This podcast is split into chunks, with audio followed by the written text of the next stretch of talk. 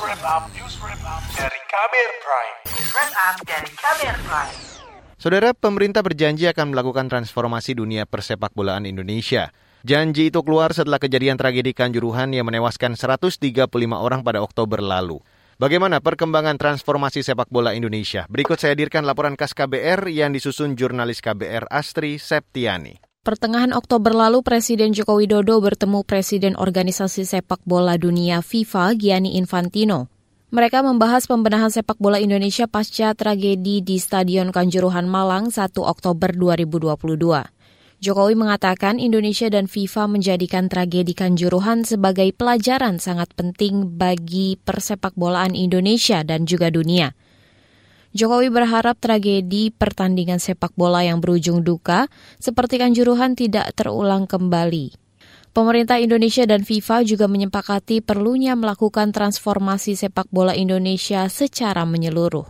Kami bersepakat untuk melakukan transformasi sepak bola Indonesia secara menyeluruh memastikan semua aspek pertandingan berjalan sesuai dengan standar keamanan yang ditetapkan oleh FIFA. Baik pemain maupun penonton harus terjamin keamanan dan keselamatannya. Untuk itu kita sepakat mengkaji kembali kelayakan stadion dan juga menerapkan teknologi untuk membantu mitigasi aneka potensi yang membahayakan penonton maupun pemain.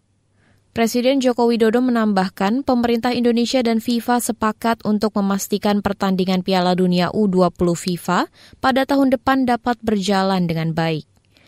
Semua aspek harus dipastikan berjalan sesuai standar FIFA. Pemerintah Indonesia dan juga FIFA mengkaji ulang para pemangku kepentingan persepak bolaan Indonesia dan memastikan proses transformasi sepak bola Indonesia berjalan sesuai standar. Sementara itu Menko Polhukam yang juga Ketua Tim Pencari Fakta Tragedi Kanjuruhan Mahfud MD mengatakan, transformasi juga akan dilakukan terhadap PSSI. FIFA sudah berkomitmen bersepakat dengan pemerintah untuk bersama-sama pemerintah melakukan transformasi eh, PSSI. Jadi nanti Presiden akan bersama FIFA melakukan transformasi PSSI tanpa melanggar aturan-aturan FIFA. Komitmen reformasi total di tubuh PSSI disampaikan anggota Komite Eksekutif PSSI Vivin Cahyani Sungkono. Ia menyatakan PSSI bakal menjadikan rekomendasi tim gabungan pencari fakta sebagai tekad untuk upaya reformasi tersebut.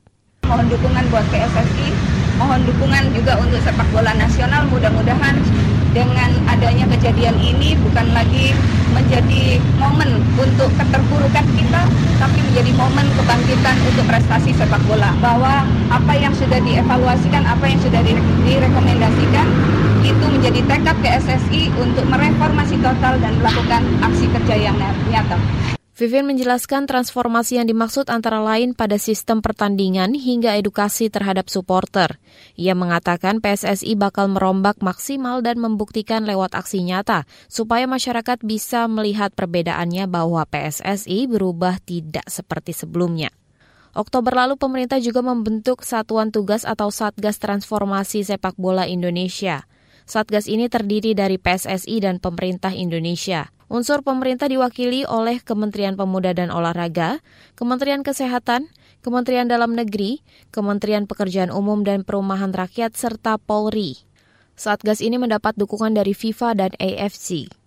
Dikutip dari laman PSSI, Satgas saat ini telah merumuskan laporan awal terkait finalisasi regulasi dan standar operasional prosedur atau SOP yang akan segera dilaporkan kepada Presiden Joko Widodo. Laporan awal ini berisikan rencana aksi yang sudah dan akan dilakukan oleh kementerian dan lembaga yang menjadi bagian dari Satgas. Namun proses perbaikan persepak bolaan tanah air bukan tanpa kritik. Pemerhati sepak bola Amal Ganesa menilai pemerintah kurang tegas dalam memperbaiki kondisi sepak bola nasional pasca tragedi Kanjuruhan. Amal mendesak pemerintah membuat kebijakan yang bisa berdampak nyata pada dunia sepak bola misalnya dengan membuat undang-undang yang terkait keselamatan penonton. Bikin regulasinya yang lebih ketat gitu. Dan kalau misalnya disangka lebih penting lagi ya naikin tingkat kebijakannya yang tadinya di menteri misalnya dibikin apa kayak perpres kayak kepres kayak nah kalau mau lebih urgent lagi atau mau lebih skala importance-nya lebih tinggi lagi ya undang-undang seperti yang di Inggris. Inggris itu levelnya udah undang-undang namanya UU penonton sepak bola tahun 89 itu tinggi banget. Amal Ganesa yang juga merupakan pendiri Ganes Sport Institute menyatakan kecewa terhadap rekomendasi rekomendasi tim gabungan pencari fakta yang hanya merekomendasikan Ketua Umum dan Komite Eksekutif PSSI mundur. Amal mengatakan dorongan mundur saja tidak cukup, tapi harus ada langkah tegas dari pemerintah. Demikian laporan khas KBR yang disusun oleh saya, Astri Septiani. Kamu baru saja mendengarkan news wrap up dari KBR Prime. Dengarkan terus kbrprime.id, podcast for curious mind.